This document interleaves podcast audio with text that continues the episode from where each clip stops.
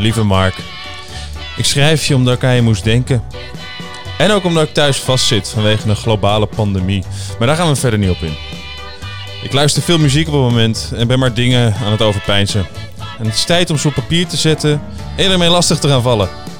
Het zijn dingen over drugs, carrière, relaties, het leven.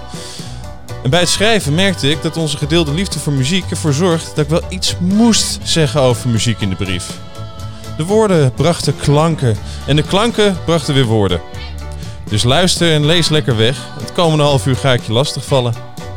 En ik hoop dat je me ook terugschrijft.